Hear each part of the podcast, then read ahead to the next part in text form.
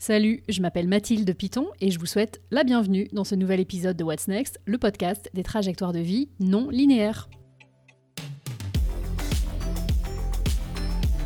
Cet épisode va, je l'espère, contribuer à changer votre relation à l'argent. Vous vous dites peut-être, non, pas ça, on va pas parler d'argent. Mais si, et ça va bien se passer, ça va même être passionnant. Mon invitée s'appelle Héloïse Boll, elle a fondé une entreprise qui s'appelle Oseille et compagnie, et elle va vous donner envie d'avoir des problèmes de riches. Si vous débarquez, je m'appelle Mathilde, je suis française et je vis aux États-Unis depuis un peu plus de 10 ans.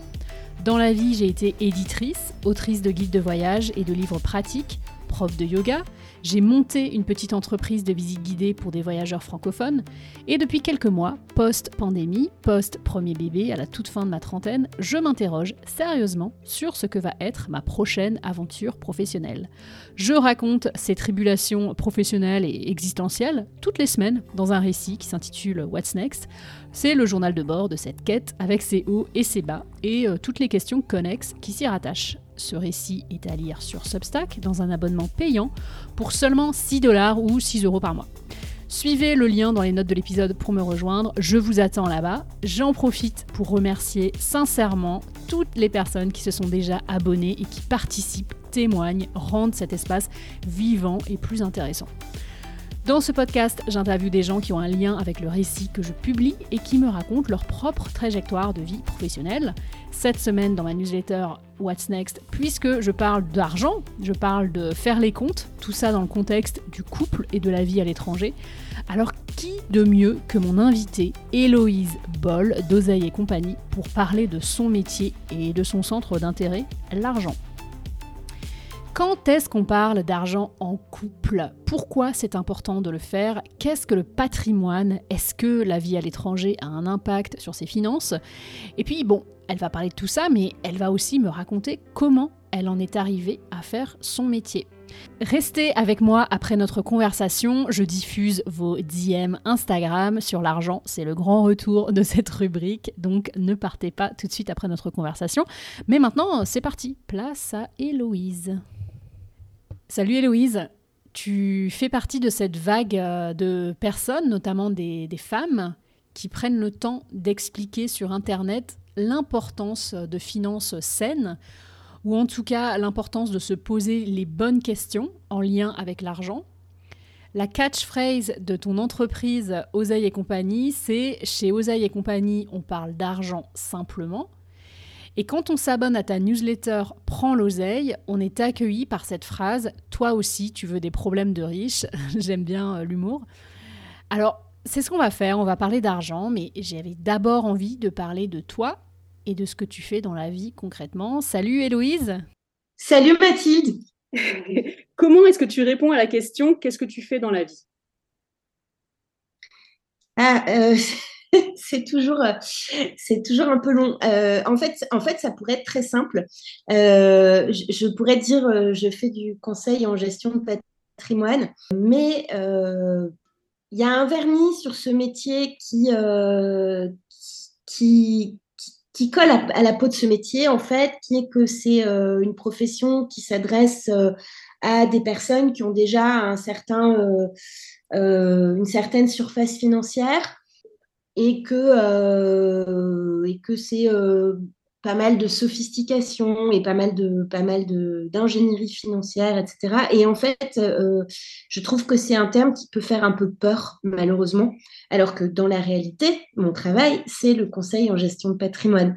donc souvent, pour faire un peu moins peur, je dis, bah, j'ai monté une petite société qui s'appelle Oseille et compagnie je fais du conseil en patrimoine et euh, euh, je fais de l'éducation financière. Et l'idée, c'est peut-être, euh, en tout cas j'espère, d'avoir l'air un peu plus accessible et d'avoir l'air de vendre des services un petit peu plus accessibles. et accessibles à un, plus grand nombre. Ça ne veut pas dire que veut pas dire que c'est gratuit, mais ça veut dire que j'ai un système de facturation qui est différent euh, de celui de la plupart de mes homologues parce que je ne me rémunère pas sur la vente de produits en fait. Euh, donc je n'ai pas je gagne pas plus d'argent en passant deux heures avec quelqu'un qui a 300 000 euros sur son compte en banque qu'en passant deux heures avec quelqu'un qui a 10 000 euros sur son compte en banque. Ça veut dire qu'il n'y a pas de barrière à l'entrée, euh, ce qui est sympa, euh, en tout cas ce qui, euh, permet de, s'offrir mes services même quand on n'a pas beaucoup d'argent sur son compte.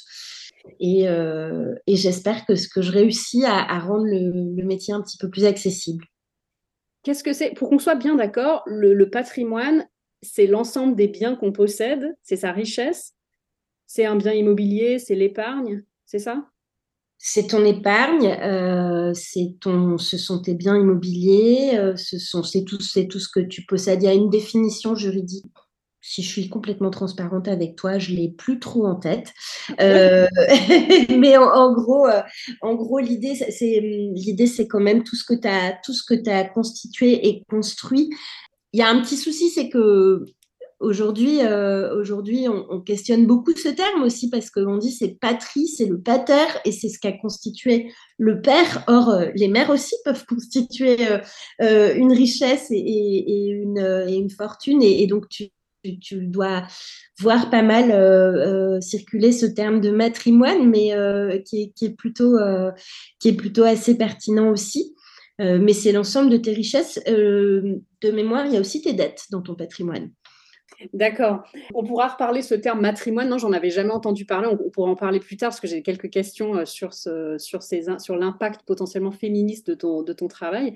Mais si je reste vraiment à ton travail, c'est, une reconversion ce que tu fais aujourd'hui. Tu as, d'abord été journaliste. Comment est-ce que tu es passé de journaliste à conseillère en patrimoine? Si je te la fais courte, euh, quand j'ai voulu, euh, quand j'ai commencé à travailler, moi je voulais travailler dans la presse économique. Ça m'intéressait. J'étais passionnée par la vie des entreprises. Euh, j'aimais bien comprendre un petit peu le fonctionnement des différents business, etc. Mais euh, dans la presse économique, il n'y avait pas 50 euh, 000 postes à pourvoir. moi, j'avais pas de formation en éco, j'avais pas fait de business school, j'avais une licence d'anglais, donc je, suis rentrée un petit peu par la petite porte qui était la, porte des, sujets des sujets sur les placements financiers.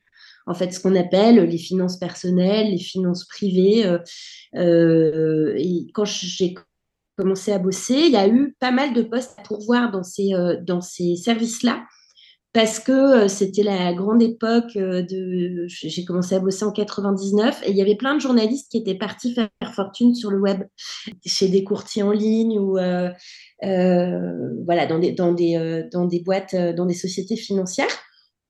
Et il y avait des postes à pourvoir. Donc, donc moi, j'ai trouvé un job d'abord dans une petite agence qui faisait un peu de bourse, qui racontait la bourse et qui vendait des articles sur la bourse, et, puis, et puis à Capital, et puis plus tard à Challenge, dans ces services qui parlaient de finances personnelles. C'était au départ pas du tout mon choix. Je me suis dit, bon, bah, c'est un mauvais moment à passer, euh, euh, c'est un, une porte d'entrée, euh, sois patiente, tu pourras faire autre chose plus tard. Rétrospectivement, aujourd'hui, quand j'y pense, je me dis que c'était probablement une, des plus grandes chances de ma, non seulement de ma carrière, mais aussi de ma vie de femme, parce que j'ai commencé ma carrière et donc, j'ai commencé à gagner ma vie en comprenant très vite ce qu'on pouvait faire ou ne pas faire avec son argent. Et finalement, c'est des années qui m'ont bon, servi sur le plan professionnel, euh, mais c'est aussi des années qui m'ont énormément servi sur le plan personnel. Il se trouve qu'au bout de quelques années, je voulais quand même aller euh, suivre la vie des entreprises et, donner un peu moins de conseils euh, aux particuliers. Donc, j'ai pendant quasiment dix ans, j'ai suivi d'autres secteurs économiques. Mais finalement, au moment où j'ai pensé à me reconvertir, et c'était une idée qui me trottait dans la tête depuis longtemps, euh, je me suis dit, voilà, le, service que j'aurais envie de créer, c'est un service de gestion de patrimoine pour tous et, et, de, et de consultation avec un... et de consultation accessible à tous. Donc, donc voilà, je l'ai fait. Alors, inutile de dire que euh, entre le moment où j'ai quitté euh, les services de finances personnelles dans les journaux où je travaillais Et le moment où j'ai entamé ma reconversion, il s'est écoulé dix ans. Donc, les lois ont changé. moi, j'avais oublié des tas de choses. Et donc, il a fallu non seulement que je me remette très sévèrement à jour, mais que j'aille beaucoup plus loin dans le, dans le, dans la connaissance que j'avais euh, du sujet. Donc, je me suis inscrite à la fac. J'ai fait un master en gestion de patrimoine à Dauphine. Euh, et, euh, et, je suis retournée travailler au service finance privée dans mon journal pour, bah, pour me mettre à jour et pour me, pour me refamiliariser avec cet univers-là. Pourquoi euh, J'ai l'impression, mais c'est peut-être pas. Tu corriges-moi si c'est pas ça, que ce côté pour tous, c'est hyper important pour toi. Alors que, effectivement, comme tu dis, l'idée du patrimoine, de la richesse, il y a quelque chose où on se dit on va parler à des gens euh, euh, vraiment fortunés. Et puis, toi, tu vas aussi peut-être personnellement pouvoir gagner beaucoup d'argent. C'est peut-être un cliché. Mais pourquoi cette dimension pour tous, elle, est, elle a l'air importante pour toi? Bah, elle est importante parce que euh, moi, c'est un service qui m'a, enfin, qui m'a pas fait défaut parce que j'étais, euh, j'étais très, euh, j'étais informée, donc j'ai pu me, pu me débrouiller, j'ai pu naviguer, euh, euh, pu naviguer assez rapidement sur les sujets financiers et comprendre de quoi on me parlait à la banque, négocier mes crédits, enfin faire tout un tas de trucs très importants pour moi. mais autour de moi, j'avais beaucoup de gens qui me posaient plein de questions et je me disais bon sang, c'est des gens qui sont éduqués, qui ont un certain revenu, pour certains ils deviendront, euh, ils deviendront euh, plutôt riches ou en tout cas, euh, ils auront une, situation très, très confortable au fil des années. Et ces gens-là sont pas du tout accompagnés. tu as plein de gens qui sont, pas, qui sont pas identifiés d'une part par, par, les, par les banques privées et par les conseillers en gestion de patrimoine. et puis, et puis tu as plein de gens qui seront jamais suffisamment fortunés pour aller chez un conseiller en gestion de patrimoine et qui, euh, et qui ont quand même des tas de questions, et c'est des questions vachement pertinentes souvent. Et donc, en fait, ces gens-là, alors, ils peuvent aller dans leur banque, ils peuvent aller chez leur notaire. Alors, le souci, c'est que souvent, dans leur banque, c'est pas toujours le cas. De temps en temps, tu as des banquiers qui sont vraiment euh, super smart et, euh, honnêtes dans leur façon de fonctionner, etc. Mais il y a toujours un petit peu cette suspicion de il veut me vendre les produits de la maison. Et c'est vrai que très souvent, pour le grand public, euh, les banquiers n'ont pas tellement d'autres choix que de vendre euh, les produits de leur, de leur banque. Et, mais de temps en temps, tu, tu,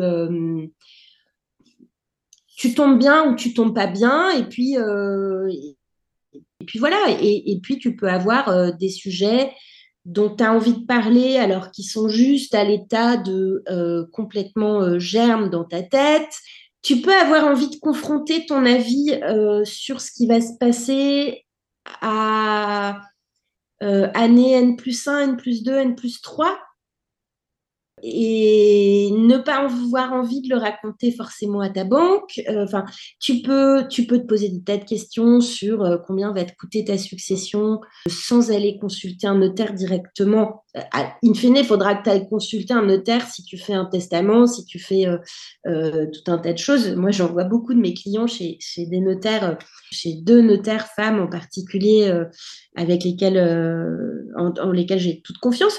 Mais mais il y a tu peux avoir des tonnes de questions sur ton argent euh, ou sur l'argent que tu n'as pas mais que tu veux avoir.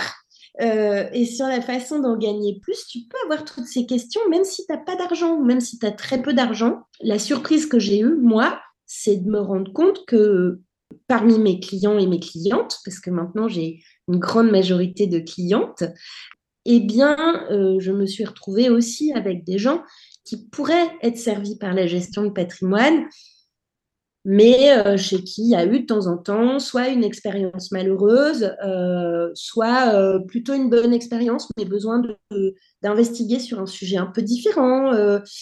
voilà, et là, c'est une forme de complément.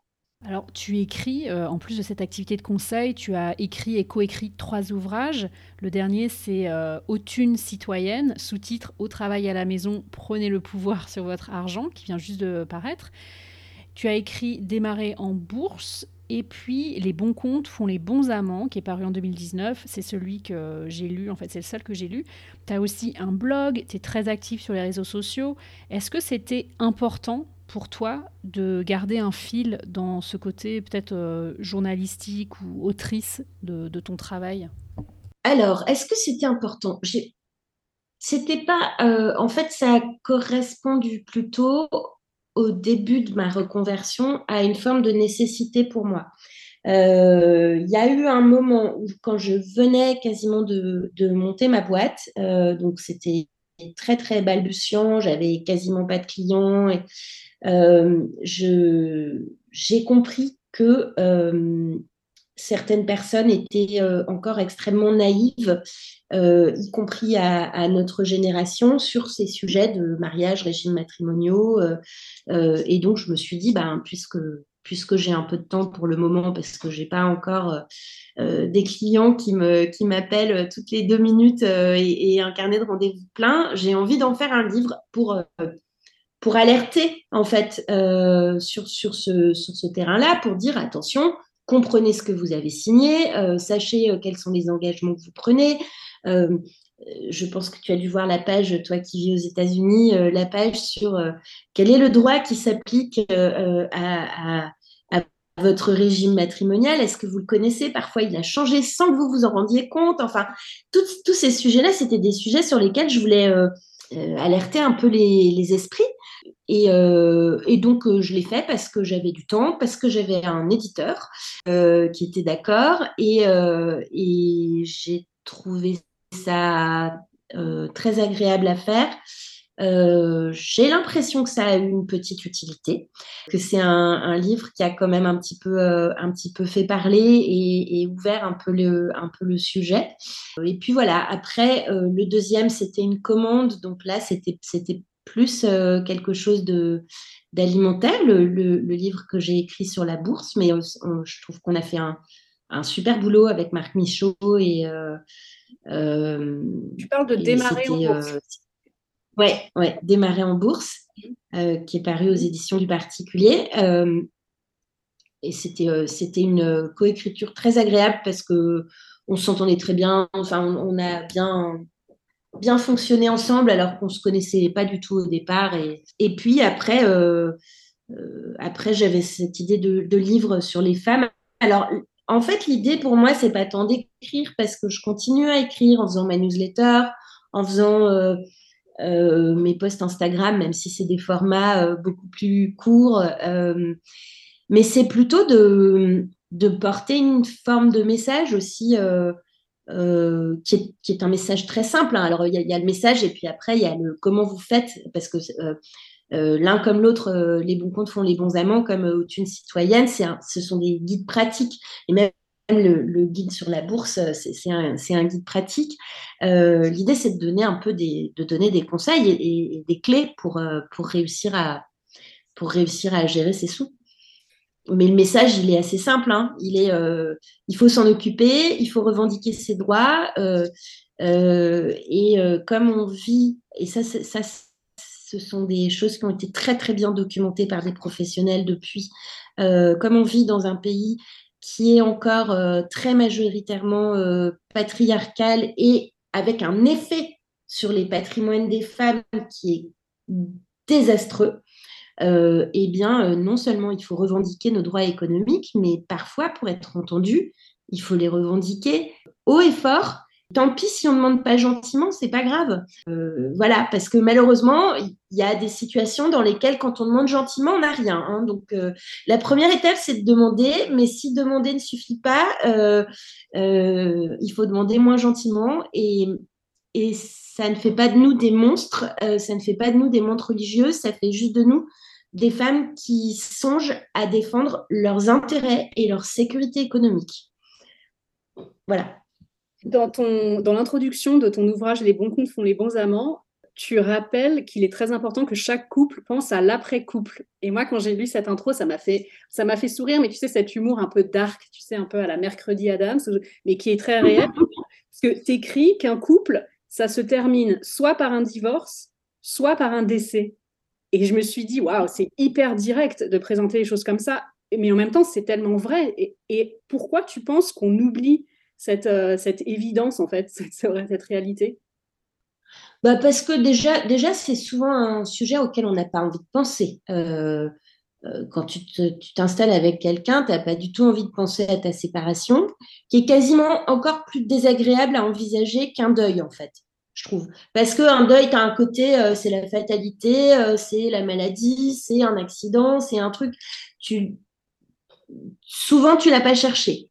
Le, la séparation, bah, il y a toujours, euh, y toujours euh, une décision au moins de l'un, parfois des deux, et dans tous les cas, euh, au moment d'une séparation, c'est qu'il y, a quand même un truc qui va pas. Donc, c'est des sujets qui sont pas marrants à aborder, qui sont pas.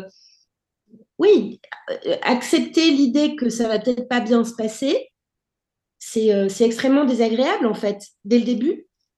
Tu, alors tu le dis aussi, enfin, tu l'as dit, ton, tes, guides, ils sont très euh, pragmatiques, pratiques. Donc, euh, tu dis que les finances d'un couple se gèrent à deux, les grosses comme les petites dépenses, qu'on doit s'y pencher à deux plusieurs fois par an. Alors, personnellement, je suis 100% d'accord avec toi en théorie, mais comment on le fait en pratique concrètement? Parce que moi, je te donne mon exemple. On se dit que un dimanche soir sur deux, euh, on va regarder le budget. Ici, aux États-Unis, on a cette app qui s'appelle Mint, parce qu'on a nos cartes de crédit qu'on paye en décalé et tout ça. Mais je dois te dire, c'est parfois dur de se motiver à le faire. Alors tu vas me dire, ben. Ça, c'est clair. Mais comment on fait concrètement? Est-ce que tu as des astuces de, pour se dire, OK, on se pose à deux? Parce que tu insistes vraiment sur le fait, quand on est en couple, que les deux personnes doivent s'en occuper. Comment on le fait, en fait, dans l'année ou au mois Comment on le fait, ça? Alors, il y a des gens qui se donnent rendez-vous, euh, c'est vrai. Euh, je connais des gens qui se donnent rendez-vous, mais pas uniquement pour parler d'argent, euh, qui se donnent rendez-vous, je sais plus, mais je crois tous les dimanches soirs, justement, euh, en disant, voilà, bon, qu'est-ce qui a été, qu'est-ce qui n'a pas été? C'est un, un, truc qu'ils ont instauré entre eux pour faire le point sur leur vie à deux très régulièrement, en disant, voilà, qu'est-ce qui, pour, pour couper les, percer les abcès tout de suite, en fait, dire, voilà, moi, ce qui m'a pas plu cette semaine, c'est ça, ce que j'ai adoré, c'est ça. Bon, c'est une façon de, faire que je trouve euh, plutôt mignonne parce que c'est un rendez-vous auquel euh, les deux se tiennent et euh, voilà. Après, je pense que en fait, ça peut faire partie des sujets qui viennent beaucoup plus spontanément sur la table. t'as pas toujours, t'as pas toujours besoin euh, de refaire euh, tous tes comptes euh, ligne par ligne trois fois par mois ou même une fois par mois. En réalité, si tu si as fait la liste de tes dépenses fixes régulières, enfin une fois de temps en temps, que tu l'as refaite un peu quand elle a changé et que tu as des petits ajustements comme ça à la marge, tu n'as pas besoin d'y passer trois heures en fait. Hein, tu as besoin de dire euh, tiens, ce mois-ci, euh, on a un double rappel de charge parce qu'on a oublié de payer, ou euh, enfin, ça, peut être assez. tu n'as pas besoin d'y passer 4 heures hein, sur, le, sur le sujet. Donc, ça peut être un sujet, sauf si tu vis avec quelqu'un qui vraiment se bouche les oreilles à ce moment-là, mais ça peut être un sujet qui est abordé au petit déjeuner, enfin, au milieu de tous les autres sujets de ah bah tiens, t'as vu, il s'est passé ça, et de. Enfin, moi, je considère que ça fait partie des sujets euh, très naturels à aborder. Euh, voilà, euh, et, et, sans avoir besoin d'y passer, d'y passer 50 heures dans, dans l'année.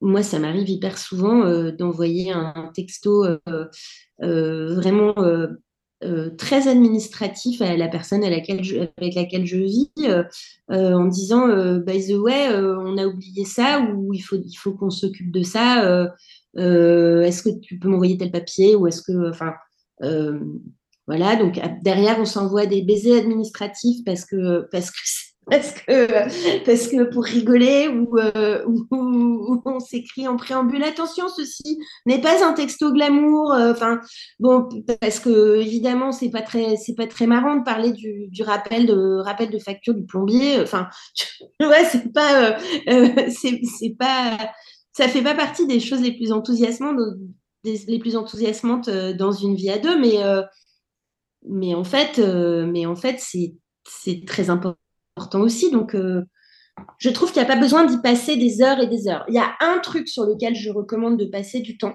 à deux, et c'est pas drôle, c'est la déclaration d'impôt. Parce que cette déclaration d'impôt, en fait, elle donne plein d'informations. Déclaration de revenus, pardon. Elle donne beaucoup d'informations. C'est un et surtout c'est une synthèse de tout ce qui s'est passé l'année d'avant. Mmh. Euh, euh, ça te donne aussi des éléments très importants sur euh, combien tu vas payer ou combien tu vas devoir payer, combien tu as déjà payé. Parfois, tu as trop payé et, tu dis Ah, super, on va recevoir un chèque. Bon, bah, là, c'est euh, un, virement des impôts, c'est sympa. Mais en fait, la, déclaration d'impôt, pour moi, c'est vraiment quelque chose qui doit se faire à deux euh, ou se relire à deux parce que c'est un élément qui te donne beaucoup, beaucoup d'informations et qui te euh, donne une conscience euh, très forte de ce qu'est ta situation financière réellement. En tout cas, pour ce qui est des flux, c'est-à-dire de ce qui rentre, euh, de ce qui rentre, de ce que tu encaisses comme revenu. Tu as mentionné le fait que l'argent pouvait être un sujet pour certains rébarbatif. Il y a un peu, il y a pas mal de préjugés sur l'argent, puis il y a ce côté, c'est un peu tabou, ça peut être un peu vulgaire, ou alors c'est réservé à des spécialistes. Toi, dans ce rôle que tu as peu d'éducation financière, quel préjugé tu voudrais euh, casser? Celui que je, que je, avec lequel j'ai vraiment du mal, moi, c'est euh, hyper compliqué, j'y comprends rien. Alors oui, on peut, en fait, euh, on peut au départ ne rien y comprendre. Ce qu'il faut vraiment savoir, c'est qu'il y a un jargon en finance, un jargon fiscal, un jargon juridique qui peut être très très repoussant, euh, comme finalement tous les jargons professionnels. Hein. Et puis le jargon, ça permet aussi aux professionnels de cultiver une espèce d'entre-soi, de se, de se donner un air un petit peu sachant. Euh. c'est un peu ce contre quoi j'essaye de lutter parce que, parce que, euh, parce que c'est important que, que, tout le monde comprenne bien ce qu'il a dans son portefeuille ou dans son, ou dans son patrimoine ou dans ses dettes d'ailleurs. Enfin, moi, ce qui, me, ce, qui me, ce qui me rend assez dingue, c'est ça, c'est cette idée que c'est extrêmement compliqué et que c'est beaucoup trop compliqué pour toi et que euh, laisse tomber, euh, je vais pas t'expliquer, euh, laisse, je m'en occupe. Voilà, tu vas rien comprendre. c'est pas possible en fait. je reconnais que sur certains sujets là-dessus, il y a une petite barrière à l'entrée euh, pour le coup, qui n'est pas une barrière à l'entrée financière, qui est une barrière à l'entrée de connaissances pour se sentir à l'aise. Et c'est aussi pour ça que j'ai lancé ces ateliers d'éducation financière pour euh, euh, essayer d'aider les personnes qui viennent suivre ces ateliers à comprendre un petit peu où elles mettent les pieds et à être plus à l'aise quand elles ont des conversations avec leur banquière, euh, à être plus à l'aise euh, quand elles vont euh, chercher un appartement et négocier le prix ou pas, à comprendre comment fonctionne un crédit. Toutes ces choses-là, en fait, une fois que tu les as comprises, tu es beaucoup plus à l'aise pour avancer et tu as beaucoup moins peur, surtout, de te faire avoir de faire un mauvais choix, de, de, de tu, tu, il n'y a rien de plus désagréable en fait que de, faire des choses que tu ne comprends pas bien. Parce que tu as toujours l'impression que euh, finalement, euh, quelqu'un essaye de profiter de la situation. Euh, si c'est pas la banquière, c'est la, la, personne avec laquelle tu vis parce que vous avez signé un contrat un peu euh, peu vite euh, avant de vous marier. Euh, il y a une suspicion qui est, extrêmement désagréable quand tu vas acheter un appartement ou vendre un appartement. Il y a des, actes notariés qui durent des, pages et des pages. Mais en réalité, déjà, il faut poser absolument toutes les questions qu'on a envie de poser. les professionnels sont là pour ça. Tant qu'on n'a pas compris, on signe pas. et ça, c'est très important. Tant qu'on n'a pas obtenu les garanties qu'on voulait, on signe pas. Euh, et, surtout, euh, et surtout, si on a un petit peu appris à, comprendre comment tout ça fonctionne, ben, on se sent beaucoup plus à l'aise pour avancer et beaucoup moins inhibé. Tu organises, tu viens de le mentionner, tu organises des ateliers en plus donc de ton travail de conseiller en gestion du patrimoine, de ce que tu, de tes livres. Euh, qui s'inscrit à tes ateliers et quels sont les thèmes qui sont les plus demandés, si tu peux me révéler ça? Alors, je peux, te le révéler. Pour le moment, je ne suis pas outillée de façon informatique pour avoir des ateliers à l'unité. Euh, c'est en cours, mais, euh, euh, mais pour le moment, j'ai malheureusement pas, pas la possibilité de vendre un atelier de deux heures une fois, one shot. Voilà, je suis en train, d'avancer là-dessus, mais, mais ce n'est pas le cas encore. Donc, je vends des packages de cinq ateliers et j'essaye de les, vendre et de les, caler de façon très, très resserrée dans le temps euh, pour que euh, justement ce soit euh, plus ou moins perçu comme un investissement, mais aussi peut-être un mauvais moment à passer. Bon, j'essaye de faire en sorte que ça reste pas désagréable et qu'il y ait plutôt une bonne ambiance. En général, c'est plutôt sympa. Mais qu'on se dise, voilà, je commence un lundi et le lundi qui, pas le lundi qui suit, mais le, mais le lundi 15 jours après, j'ai un dernier atelier et après j'ai fini. Et je suis formée sur le BABA des finances, je suis formée sur l'immobilier, je suis formée sur la bourse, je suis formée sur les impôts et je suis formée sur les régimes matrimoniaux et sur l'argent à deux. Avec ça, euh, je te dis pas que tu feras jamais d'erreur ou jamais de mauvais choix, mais en tout cas, tu seras beaucoup, beaucoup, beaucoup mieux outillé pour comprendre tout ce qu'on te raconte. Alors, en général, euh, par session, de temps en temps, il y a un homme mais la plupart des personnes qui viennent sont des femmes. Euh, la session qui commence la semaine prochaine, là, il n'y a que des femmes. Euh, voilà, c'est comme ça. On est 12 à chaque fois, maximum, parce que ça permet, c'est un format que j'aime bien parce qu'il permet de quand même euh, interagir un petit peu, de pouvoir poser des questions, interrompre, voilà, sans que ce soit, trop, compliqué. Et jusqu'ici, euh, je, pensais en les, en les lançant avoir un public un peu plus jeune euh, que les personnes qui viennent me voir en consultation. Je pensais avoir plutôt des personnes qui avaient entre 25 et 30 ans, euh, qui commençaient à bosser et qui n'avaient pas forcément très envie de payer une consultation en entier, puis qui avaient envie de, rester autonome. Et en réalité, j'ai pas fait de stats très précises, mais finalement, euh, j'ai aussi des, des, personnes de tous les âges. Et euh, euh, mes clientes en consultation sont beaucoup plus jeunes qu'avant, en moyenne. Il y, a, tous les âges et il y a pas mal de jeunes qui viennent. Et finalement, dans les ateliers, je pensais toucher uniquement des jeunes et j'ai aussi beaucoup de femmes qui ont 35, 40, 45 ans. j'ai eu une dame de 71 ans qui est venue l'année dernière avec euh, bah, l'envie de comprendre aussi tout ce qui s'était passé chez elle et, ce qui pouvait encore se passer. Il y a vraiment tous les âges. Tu dis qu'il y a un homme qui s'est inscrit. En fait, tes ateliers et tes consultations ne sont pas destinés uniquement aux femmes, mais ta clientèle est féminine. Oui, oui, oui. Quand, quand j'ai écrit euh, Les bons comptes font les bons amants, euh, l'idée c'était de parler à, à deux, à, enfin de parler à tout le monde. Euh, malheureusement, dans les couples, euh, quand les couples se séparent, notamment, les personnes qui trinquent sur le plan financier, très souvent, ce ne sont pas les hommes, ce sont les femmes. Et finalement, ce livre euh, a beaucoup plus parlé aux femmes qu'aux hommes. Mmh. Et donc, je me suis mise à avoir pas mal de femmes qui avaient entendu parler du bouquin et qui sont venues me voir. les sujets que je traite sur mon compte Instagram sont quand même souvent euh, des sujets qui concernent beaucoup les femmes. Euh, et en tout cas, j'essaye d'alerter, on est nombreuses à le faire, hein, je ne suis pas la seule, mais d'alerter euh, les femmes sur, sur certains risques financiers auxquels elles s'exposent. et donc, ben, j'ai une clientèle qui est de plus en plus féminine, c'est vrai. Ça ne m'empêche pas de travailler avec des hommes régulièrement, soit des hommes qui viennent avec leurs femmes, soit des hommes qui viennent me voir seuls avec, avec leurs leurs questions. Et, et leur sujet de préoccupation, euh, euh, leur sujet de préoccupation de vie, en fait, ce qui est, ce qui est très sympa dans ce métier, ce qui quelque chose qui rend, qui rend vraiment mon, exercice très agréable, en fait, c'est que euh, souvent, effectivement, tu as les histoires d'argent, tu te demandes combien je vais avoir, qu'est-ce que je peux gagner, qu'est-ce que je peux faire, comment je peux investir.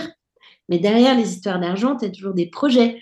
Euh, tu as toujours des questions qui sont liées euh, à ta vie, en fait, euh, à la maison de famille. Est-ce que tu peux la garder? Est-ce que tu peux pas la garder? Est-ce que tu as les moyens de l'entretenir? Et c'est quelque chose qui te tient à cœur? Ou derrière, tu as, un projet de séparation et tu sais pas si tu vas y arriver toute seule. Euh, de temps en temps, malheureusement, des personnes qui arrivent qui disent bah, je, je viens d'hériter euh, où je viens de perdre mes parents ou un, parent ou deux parents euh, euh, et c'était brutal et pas attendu et je me retrouve avec des sous dont je n'ai pas la moindre idée de ce que je vais faire et, de comment ils se gèrent parce qu'en général quand ces situations-là arrivent brutalement tu as, déjà beaucoup beaucoup d'informations à intégrer et tu et tu sais pas bien quoi faire sur, sur les sujets financiers. Enfin derrière, derrière toutes, ces, toutes ces histoires d'argent, en fait, il y a, vraiment euh, le quotidien et la vie des gens. Et c'est des échanges qui sont, qui sont vachement enrichissants pour moi aussi, en fait. Oui, il y a toujours plus que là. C'est pas juste l'argent, euh, compter les sous, c'est autre, ça va au-delà, quoi. Ah non, ouais. Non, non, derrière les sous, il y a, y a, surtout ce que tu peux en faire ou pas et, euh, et tout ce que ça va te permettre de, de financer comme euh, d'abord comme sécurité, puis après comme projet euh, un peu plus enthousiasmant que de la simple sécurité. Mais parfois déjà la sécurité c'est euh, c'est énorme, c'est énorme. J'ai appris quelque chose en lisant ton livre. J'ai appris plusieurs choses en lisant ton livre, mais il y a un chapitre, le dernier chapitre, qui est dédié au cas particulier. Il y a notamment le cas des, Français qui vivent à l'étranger, ce qui est mon cas. Et donc j'ai appris que au bout de 10 ans de résidence à l'étranger, si on s'est marié entre 1992 et 2019, le régime matrimonial change, tu l'as mentionné un peu plus tôt, euh, c'est ce qu'on appelle la mutabilité économique. Alors, si tu n'étais pas là, je ne l'aurais pas su, donc euh, déjà, merci. Euh, en fait, je l'aurais peut-être su avec l'histoire de Johnny Hallyday et Laetitia, parce qu'il y avait un peu, de, un peu de ça. Mais ma question, c'est comment on reste informé de ces choses-là, à part te suivre sur ta newsletter et sur Instagram Alors, la première chose justement sur ce sujet-là, je pense que tu dois parler à quelques expatriés voire euh, beaucoup. Euh, la première chose, c'est d'alerter toutes les personnes que tu connais et qui sont expatriées. Et ça, c'est valable, c'est pas valable uniquement pour les, Français, hein, c'est valable pour plein de tous les pays qui ont signé ou pas signé de convention. Toutes les personnes qui, à un moment, se sont expatriées sérieusement, enfin plus d'un mois et demi dans leur vie, doivent consulter un spécialiste euh, du droit, euh, un notaire, un, et, savoir quel est leur réel régime matrimonial, c'est-à-dire quel est le droit qui s'applique à leur régime matrimonial. Je te donne un exemple. Euh, peut-être que toi, tu t'es mariée aux États-Unis, c'est ça? Non, je me suis mariée en France, à Paris. Mon mari est français, je suis française aussi. et je me suis mariée en 2011. D'accord. Et, et tu vivais pas encore aux États-Unis? Non, j'ai déménagé un mois après. D'accord. Alors, c'est vachement limite. Euh, euh, en fait, il faut savoir donc, que les gens qui se marient en France, mais qui habitent à l'étranger tout de suite après, leur régime matrimonial, souvent, il sera conditionné par ce qu'on appelle la première résidence des époux.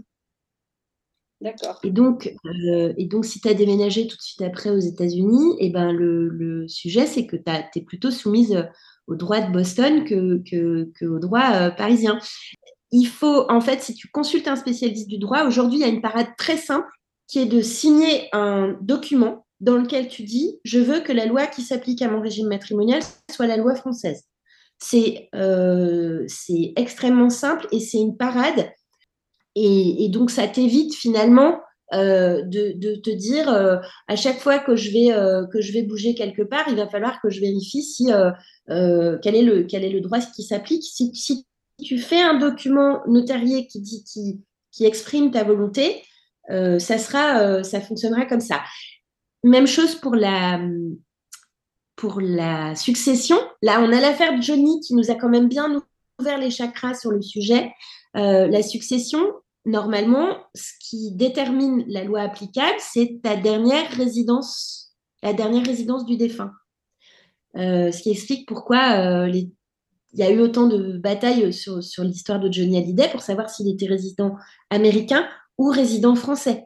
Euh, et là aussi, c'est c'est toujours un débat. Euh, et ben ça aussi, tu peux, chez un notaire, dire je, je, veux que ma succession soit soumise au droit français euh, ou au droit de tel pays parce que, parce que tu as des attaches dans ce pays, tu peux choisir, mais il faut, il faut l'écrire.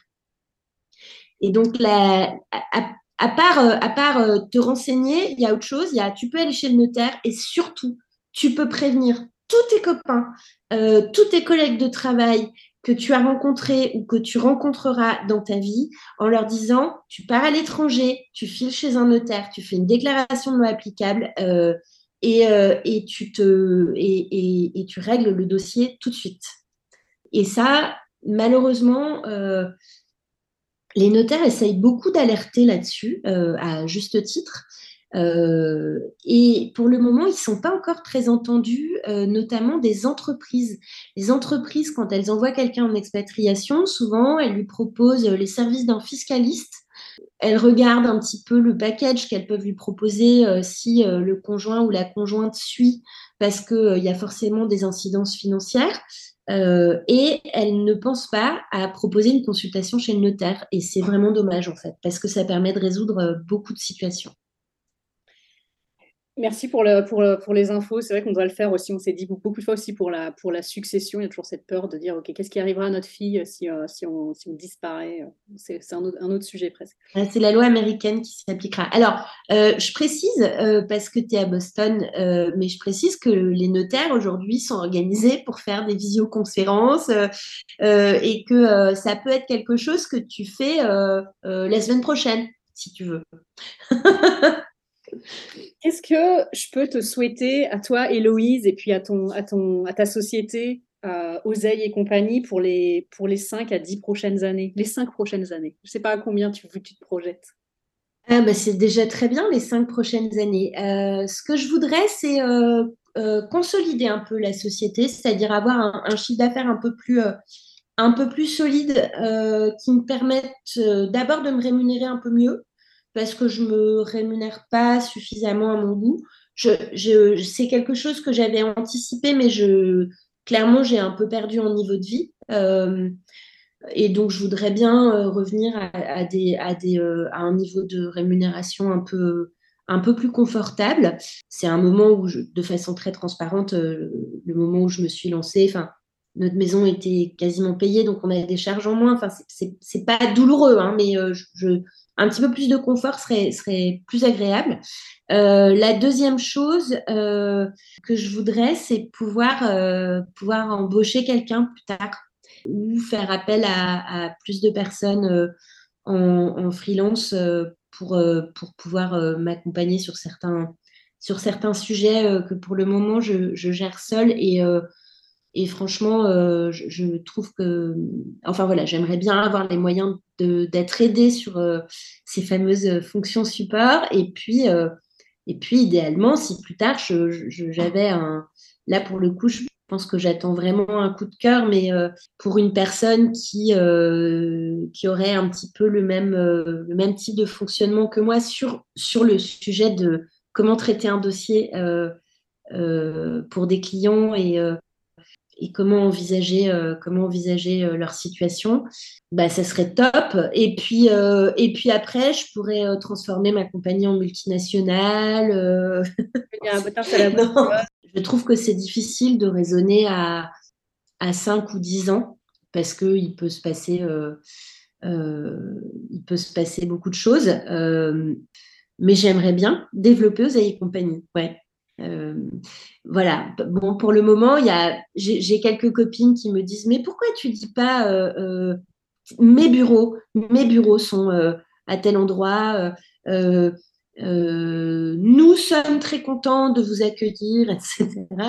Et, j'ai encore du mal. Enfin, je trouve ça extrêmement pompeux alors que je travaille toute seule et que, et que c'est mon bureau et que c'est moi qui vais préparer le café pour mes clientes et mes clients. Et euh, euh, je, voilà, pour le moment, je ne peux pas encore dire euh, mes bureaux.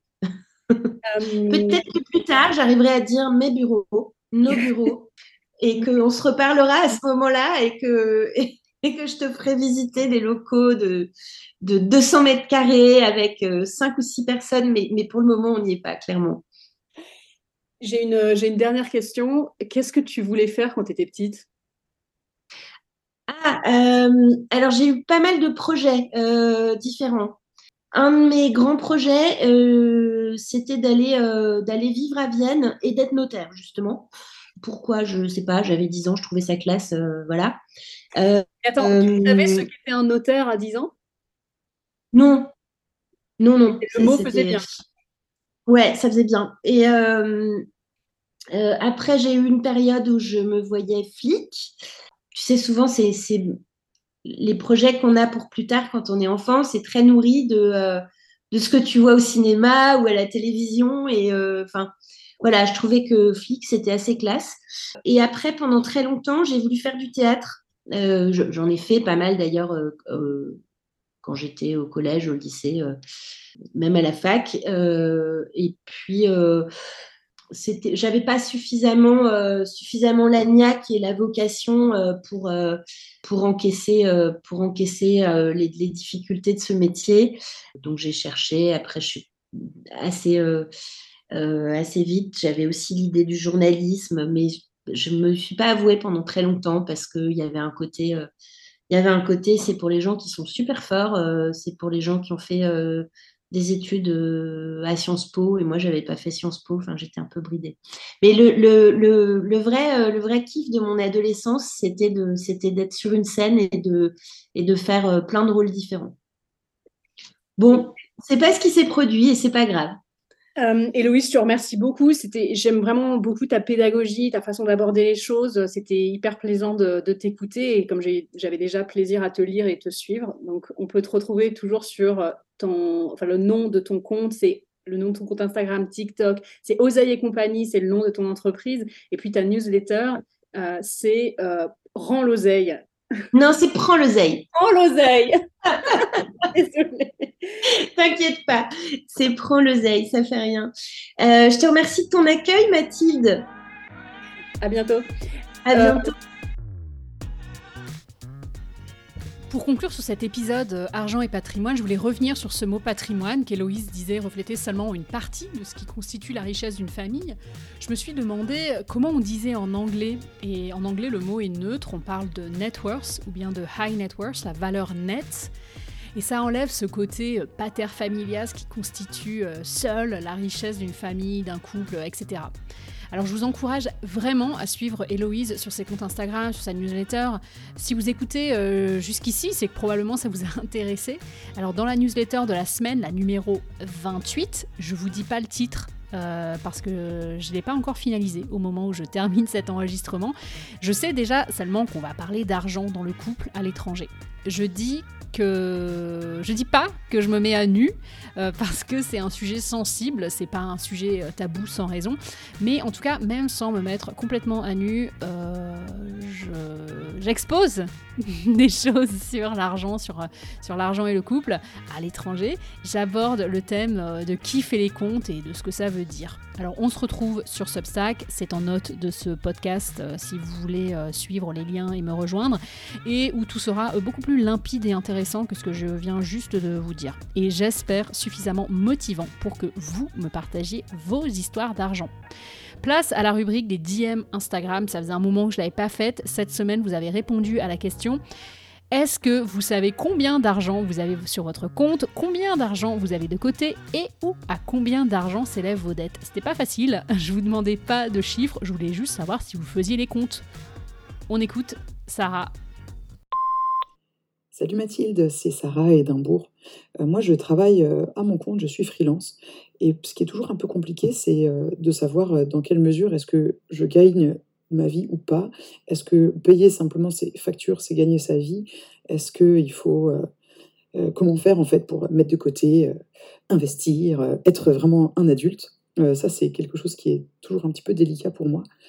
Et en fait, j'ai l'impression que je manque d'une formation business pour vraiment comprendre euh, comment euh, me situer en tant que personne qui travaille à son compte et qui gère son propre business.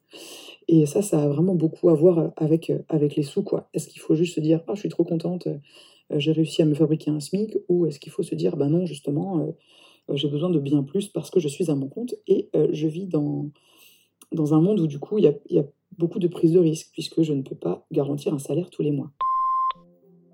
Cet épisode est presque terminé. S'il vous a plu, s'il vous a intéressé, si vous avez appris des choses, partagez-le. Commentez sur Instagram à What's Next Mathilde. Envoyez-moi un DM sur Mathilde Pitt.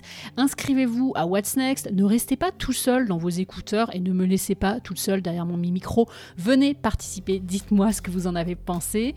Euh, et puis je vous dis à dans deux semaines. Bye bye